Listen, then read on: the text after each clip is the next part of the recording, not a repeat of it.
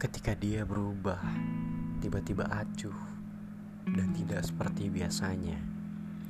Sebenarnya dia itu ingin menjauh darimu sejak lama karena kebingungan mencari alasan yang jelas.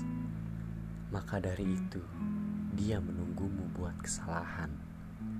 Ketika kehabisan cara, dia akan menghilang tanpa kabar. Lalu datang kembali dengan sifat dinginnya. Semakin renggang hubungan, semakin banyak juga kesempatan untuknya pergi.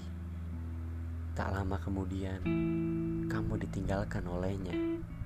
Berakhir sudah, sebab orang yang baru yang didekatinya butuh kepastian.